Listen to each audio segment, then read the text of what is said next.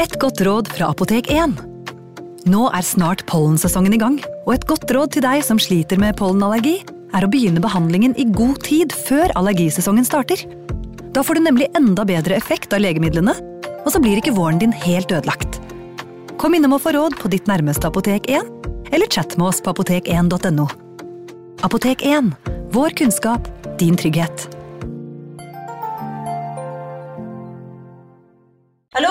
Jeg kommer fra Oslo politikammer. Ine Jansen er purk. Er du purk? The motherfucking bitch. Alt jeg vil, er å finne ut hva som skjedde med mannen min. Jon Carew. Er jeg sikta for noe? Iben Akeli. Det er du.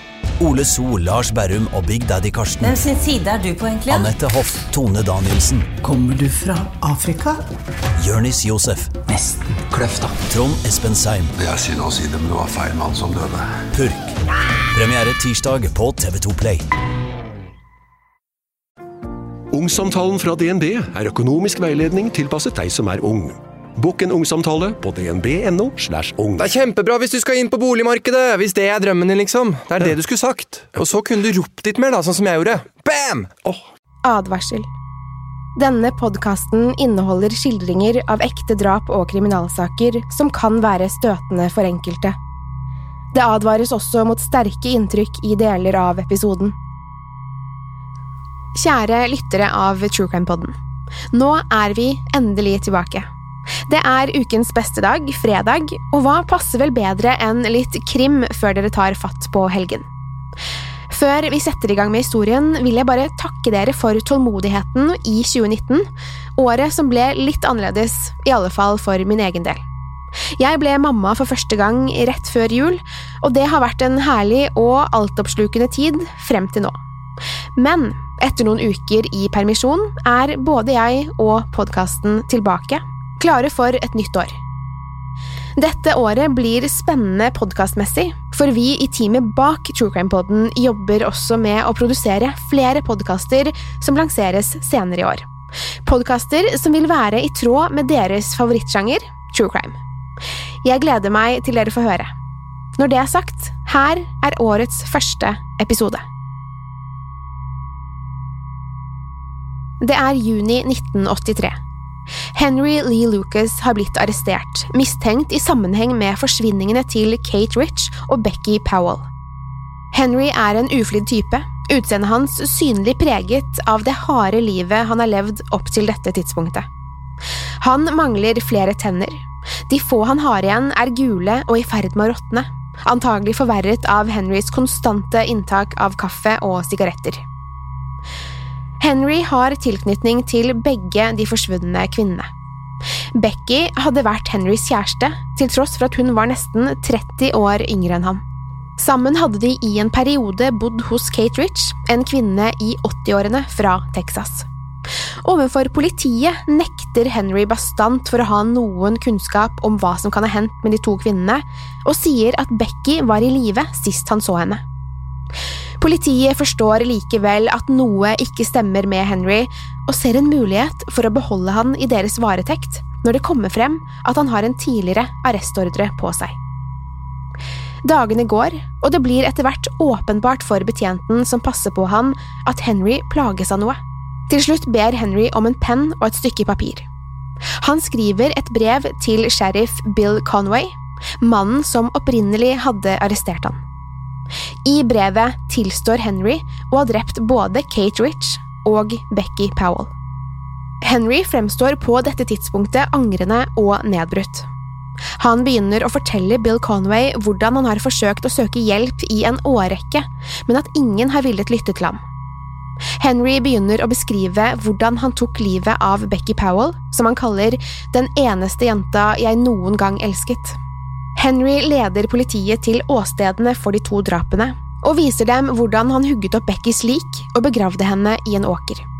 Liket av Kate Rich hadde han opprinnelig gjemt i et avløpsrør, før han til slutt brant det i en forbrenningsovn, da han forsto at han var mistenkt for forsvinningene.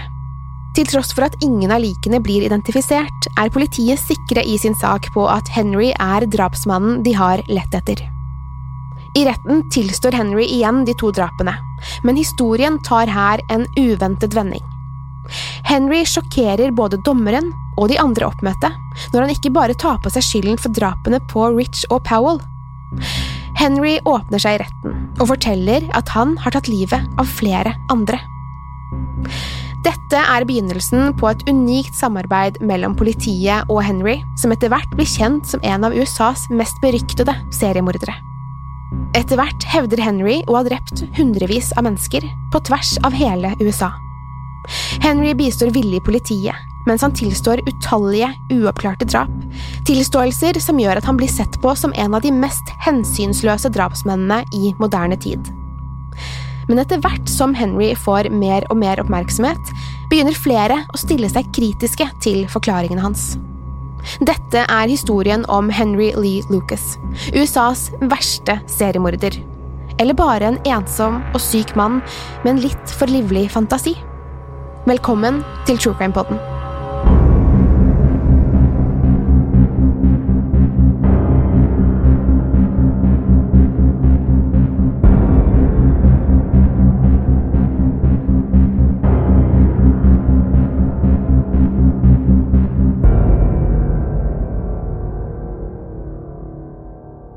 Henry Lee Lucas blir født inn i ekstrem fattigdom, i Blacksburg, Virginia den 23. august 1939. Faren hans, Anderson, var ufør etter å ha mistet begge bena i en arbeidsulykke og livnærte seg på å selge hjemmebrent til lokale drankere. Anderson døde da Henry var 13 år, etter å ha sovnet utendørs under en snøstorm etter en kveld med tett drikking. Moren hans, Viola, forsøkte å forsørge familien som prostituert. Men Viola var ingen god mor. Hun terroriserte Henry, både fysisk og psykisk gjennom hele oppveksten. Huset Henry vokser opp i, kan nesten beskrives som et skur, uten strøm og med jordgulv. Hele familien delte ett enkelt soverom, og Viola ville ofte ta med seg kundene sine hjem og tvinge Henry til å se på mens hun hadde sex med dem foran han og søsknene hans. Henry beskrev et av sine tidligste minner som en episode der moren hans hadde sex med en av kundene sine foran ham, for å så dra ut et våpen og skyte mannen i benet. Henry beskrev blodet som sprutet fra skuddsåret i groteske detaljer. Mange av disse mennene hadde også negativ innflytelse på Henry. En av dem var morens hallik, Bernie, som introduserte Henry for alvorlig dyreplageri. Henry lærte hvordan man kunne ha sex med dyr, så vel som å ta livet av dyr for sin egen nytelse. Hva enn Violas motivasjon var for å behandle sønnen sin på denne måten, virket hun bestemt på å ydmyke han totalt. Hun rakket ned på han konstant og tvang han til å spise fra gulvet hvis hun en sjelden gang laget mat til ham. Oftere måtte Henry og søsknene ut og stjele mat selv dersom de ville spise. Hun fikk Henry til å kle seg i jenteklær og tvang ham til å gå med kjoler på skolen, som gjorde at han også ble latterliggjort og mobbet. Dette fortsatte helt til en lærer grep inn og begynte å ta med normale klær til Henry, noe som igjen gjorde Viola rasende. Læreren er en av de få personene som viser omtanke for Henry, som i tillegg til å bli mishandlet og underernært, også sliter på skolen. Til tross for dette fortsetter Viola å behandle Henry like forferdelig. Henry fikk på et tidspunkt et esel i gave fra en av farens venner. Henry ble raskt knyttet til dette eselet, og begynte å se på det som et kjæledyr. Viola spør Henry om han er glad i eselet sitt, og når Henry svarer ja, intetanende om Violas intensjoner, henter hun en hagle og skyter eselet mens Henry ser på. Når hun innser at hun må betale for å få fjernet det blodige og etter hvert råtnede liket, tar hun ut raseriet sitt på Henry og slår han som en straff for dette. Viola er ofte voldelig mot Henry, og på et tidspunkt nær ved å ta livet av ham når hun slår han så hardt i hodet med en planke at Henry tilbringer tre dager i koma, visstnok fordi han hadde nektet å hente ved til peisen.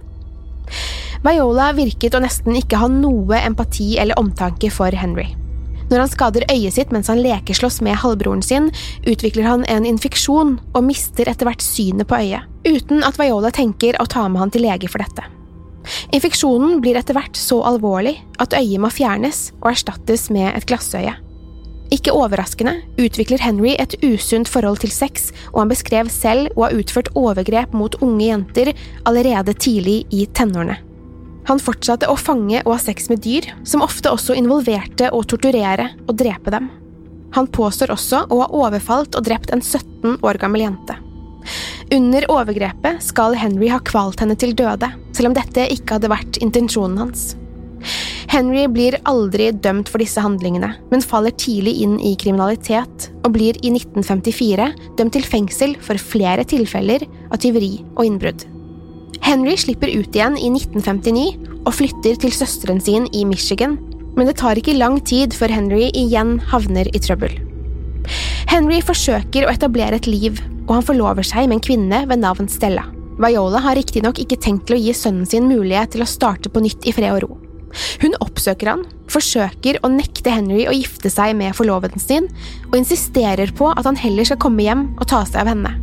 Stella bestemmer seg for at hun ikke orker å involvere seg med Henry og hans familie, og bryter forlovelsen.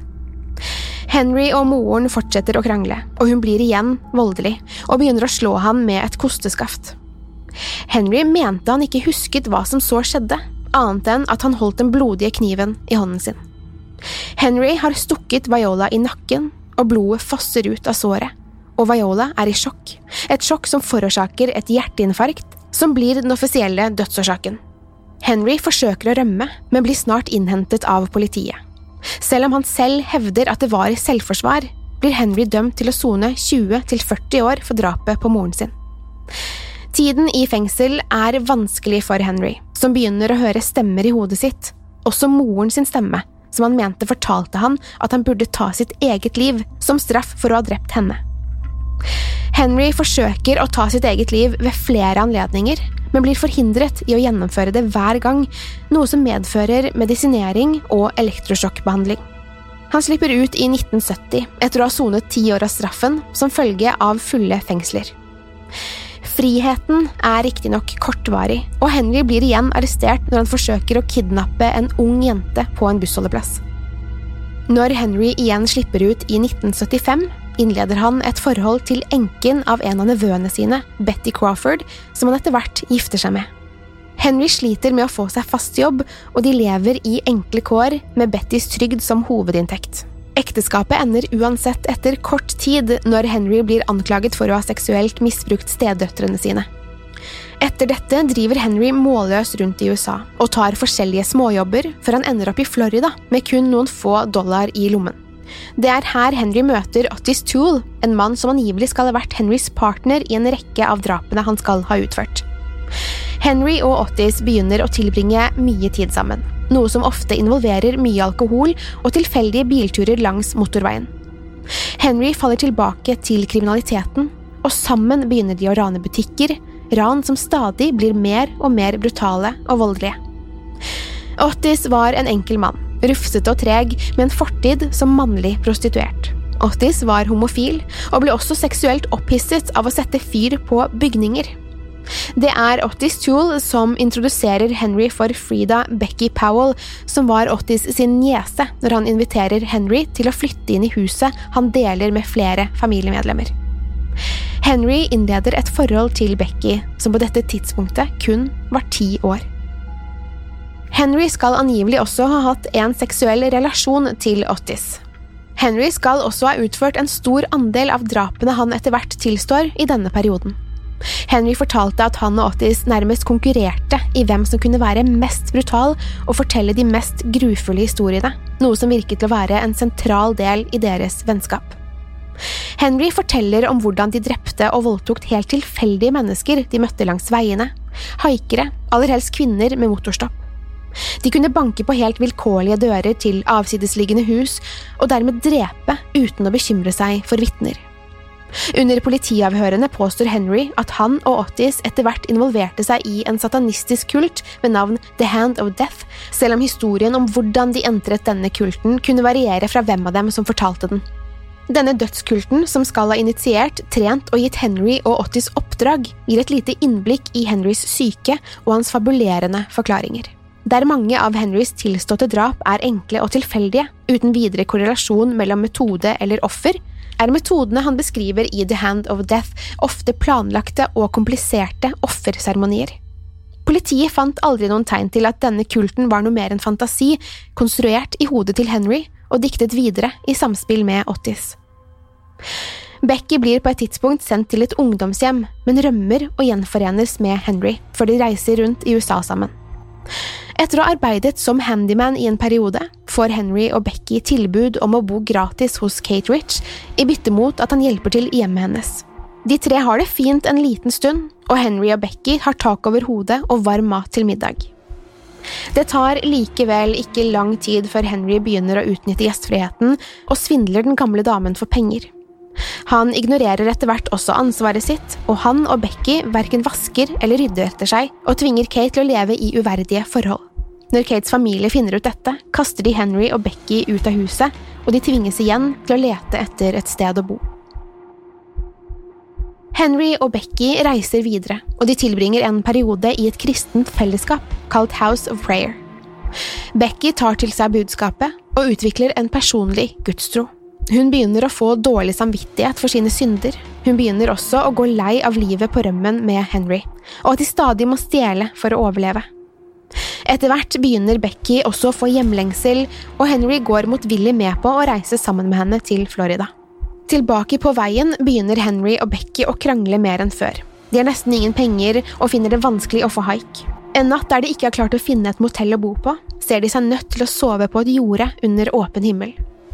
Etter å ha kranglet om hvorvidt de heller skal returnere til House of Prayer, ender Henry opp med å ta livet av Becky. Henry dreper henne nesten identisk med hvordan han drepte sin egen mor. Etter at Becky i frustrasjon slår Henry i hodet, finner han frem en kniv og stikker henne i brystet.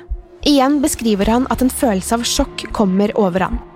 Henry elsket tilsynelatende Becky, til tross for at livet sammen med henne til tider var komplisert og krevende. Han hadde angivelig tatt flere liv på dette tidspunktet, men dette var første gangen han drepte noen han var glad i, noen som var oppriktig glad i ham. Følelsen som kommer over Henry, endres raskt til et sterkt begjær. Han kler av henne og har sex med den livrøse kroppen hennes. Etter å ha fullført parterer han kroppen hennes i mindre biter. Henry returnerer til House of Prayer, hvor han forteller at han sist så Becky da hun entret en lastebil. Dette er samme historie han forteller politiet, før han står frem og innrømmer at han drepte henne. Etter et par uker returnerer Henry til åstedet for å begrave restene etter Becky. Becky hadde frem til sin død opprettholdt kontakten med Kate Rich, som blir bekymret når hun hører at Becky tilsynelatende har forsvunnet. Hun tar etter hvert kontakt med Henry, som avtaler å møte henne.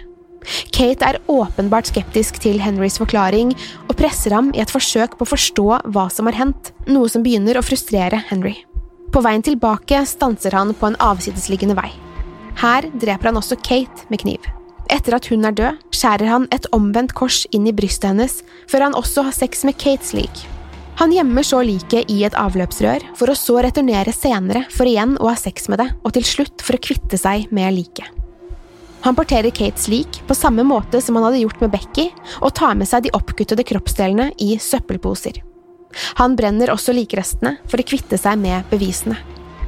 Sikker på at politiet snart vil være på sporet av han, forlater Henry igjen House of Prayer. Kate Rich blir etter kort tid meldt savnet, og Henry blir raskt pekt ut som naturlig mistenkt. Henry tilbringer en liten stund i frihet mens han driver rundt fra stat til stat, før han til slutt blir arrestert av sheriff Bill Conway. Henry blir utsatt for intense avhør, men holder en stund fast ved at han ikke vet hva som skjedde med Becky og Kate. Politiet behandler ham røft, men verst for Henry er å bli nektet kaffe og sigaretter mens han oppbevares alene på en enslig, kald celle.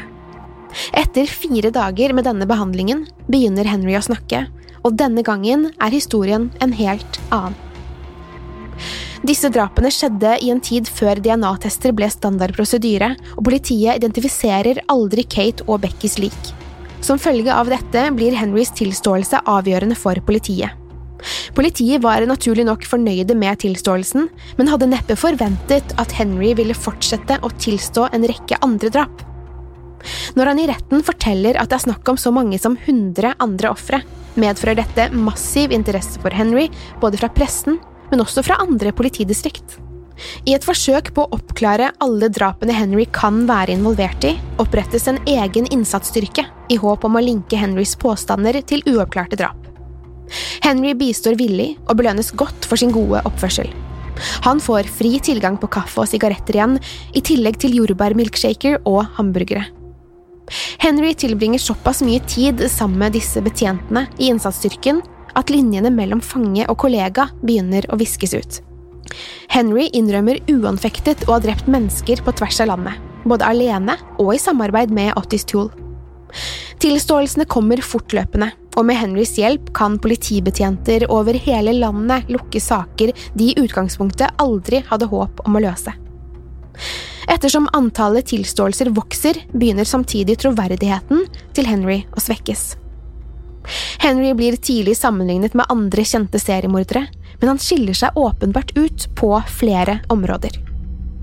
Man kan se klare, sammenfallende mønstre, særlig i hans bakgrunn. Henry hadde en utfordrende barndom og et komplisert forhold til moren sin, som også viste tegn til å være psykisk ustabil. Hans tidlige introduksjon for seksualitet, i kombinasjon med misbruk og mishandling av dyr, er andre trekk man ofte ser i profilen til en seriemorder. Likevel ser man også større skiller i måten Henry drepte på. Han skrøt selv av å ha drept sine ofre på alle tenkelige måter, med kniv, pistol, med hendene, med bilen sin, ja, til og med gjennom korsfestelse. Hans valg av ofre skilte seg også fra andre seriemordere.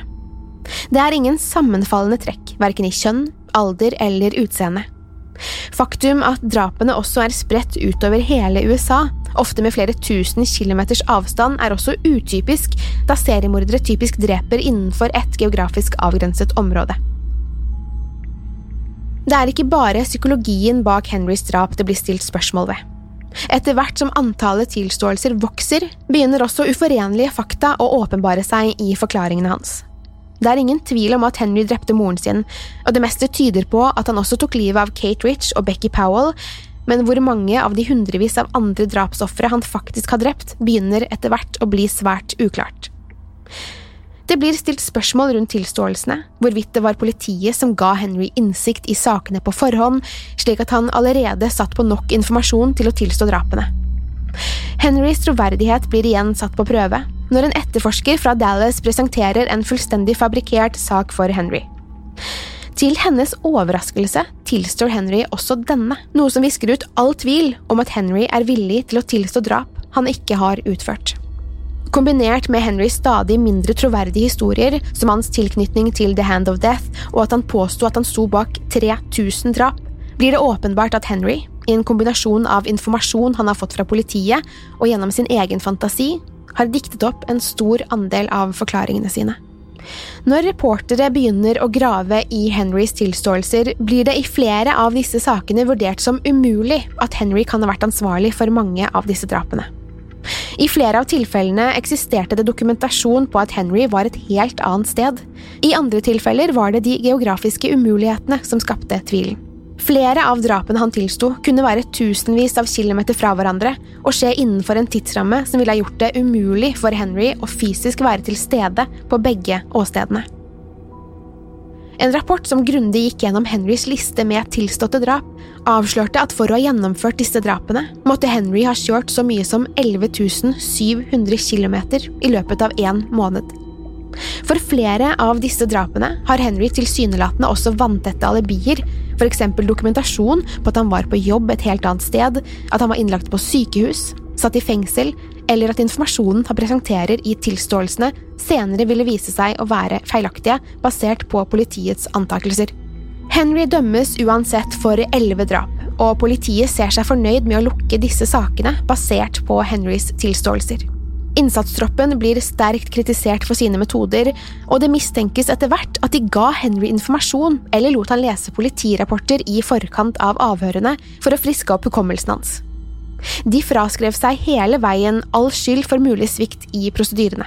De hevdet at de kun var ansvarlig for å koordinere samtalene mellom Henry og representantene fra de ulike politidistriktene, og at de ikke sto ansvarlig for etterforskningen. Mange av politimennene som jobbet tett med Henry, har i ettertid innrømmet at de var tvilsomme til noen av hans tilståelser, men at han i andre tilfeller ledet dem til åsteder og avslørte informasjon kun drapsmannen ville visst. Henry blir dømt til døden etter å ha tilstått drapet på en uidentifisert kvinne omtalt som Orange Socks, som i 2019 vil bli identifisert som Deborah Jackson. Jackson ble funnet død etter å ha blitt seksuelt misbrukt og kvalt til døde. Hun er naken, kun iført et par oransje sokker, og politiet er rådville frem til Henrys tilståelse. Det blir sådd åpenbar tvil om Henrys skyld også i denne saken, og det kommer etter hvert frem at Henry på dette tidspunktet oppholdt seg i Florida, mange mil unna Texas, der Jacksons lik blir funnet. I etterkant av dødsdommen endrer Henrys tone seg, og han er ikke lenger like villig til å blindt innrømme sin skyld. Han begynner å uttrykke at disse tilståelsene er hans måte å gjennomføre et juridisk selvmord, noe han ser på som et smutthull så han kan gjenforenes med Becky i himmelen. Etter hvert endrer også denne forklaringen seg. Henry forteller at han hele veien har løyet om drapene, i et forsøk på å bedre sin egen situasjon i fengselet. Det er i ettertid lett å forstå hvorfor han ville gjøre dette. Henry hadde uvanlig mye frihet og nøt store fordeler som andre straffedømte bare kunne drømme om. Senere uttrykker Henry at han løy for å illustrere svakheter i politiets arbeid. Han mente at hvis han uansett skulle dømmes for noe han ikke hadde gjort, kunne han like godt tilstå andre drap som han ikke hadde noe med å gjøre. Henrys sannhet fortsetter å moderere seg over årene, og hans ønske om å dø virker også å avta. Det blir samtidig stadig mer åpenbart at Henry ikke er skyldig i de 600 drapene han gjennom årene har tilstått. Også Ottis Tools troverdighet blir stilt spørsmål ved, som følge av hans tilknytning til Henry. Ottis tilstår også en rekke drap, og i likhet med Henry trekker han senere tilbake flere av disse tilståelsene. Ottis satt fengslet fra 1983 til sin død i 1996. Det er ikke bare det potensielle justismordet mot Henry Lee Lucas som opptar kritikerne. For mange pårørende og etterlatte har Henrys tilståelser vært en lettelse etter mange år der de håpløst har søkt etter svar. For mange av disse var det vanskelig å innse at de ikke hadde fått rettferdigheten de så lenge hadde håpet på. Mange er av denne grunn svært kritiske til ideen om at Henry kanskje er uskyldig dømt i et flertall av drapene.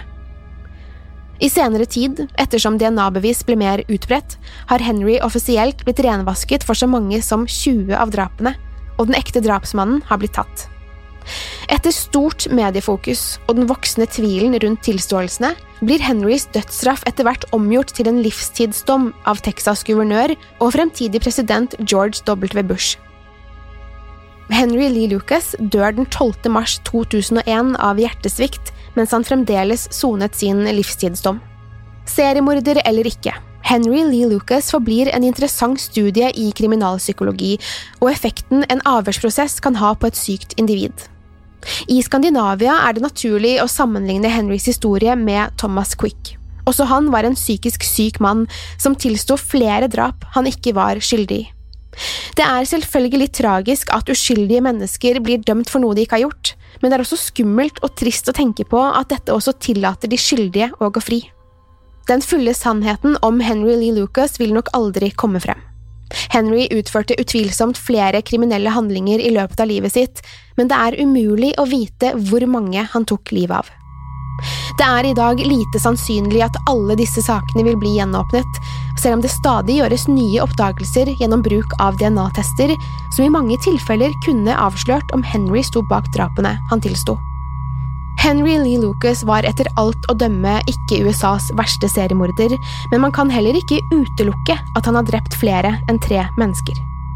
Becky Powell og Kate Rich var kvinner han hadde relasjoner til, drap som ble utført i frustrasjon eller frykt, og skiller seg fra de mange tilfeldige drapene Henry etter hvert ble dømt for.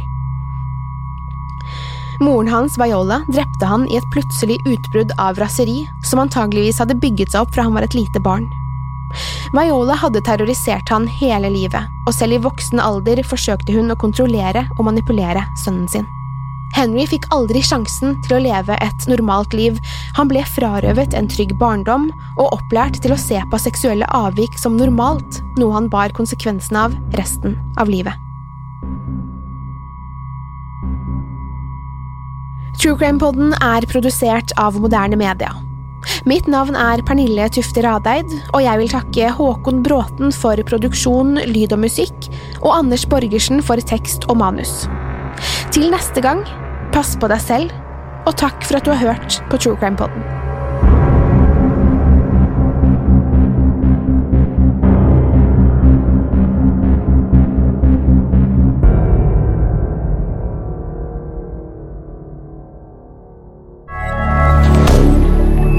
Media. Har du et enkeltpersonforetak eller en liten bedrift? Da er du sikkert lei av å høre meg snakke om hvor enkelt det er med kvitteringer og bilag i fiken, så vi eh, gir oss her, vi.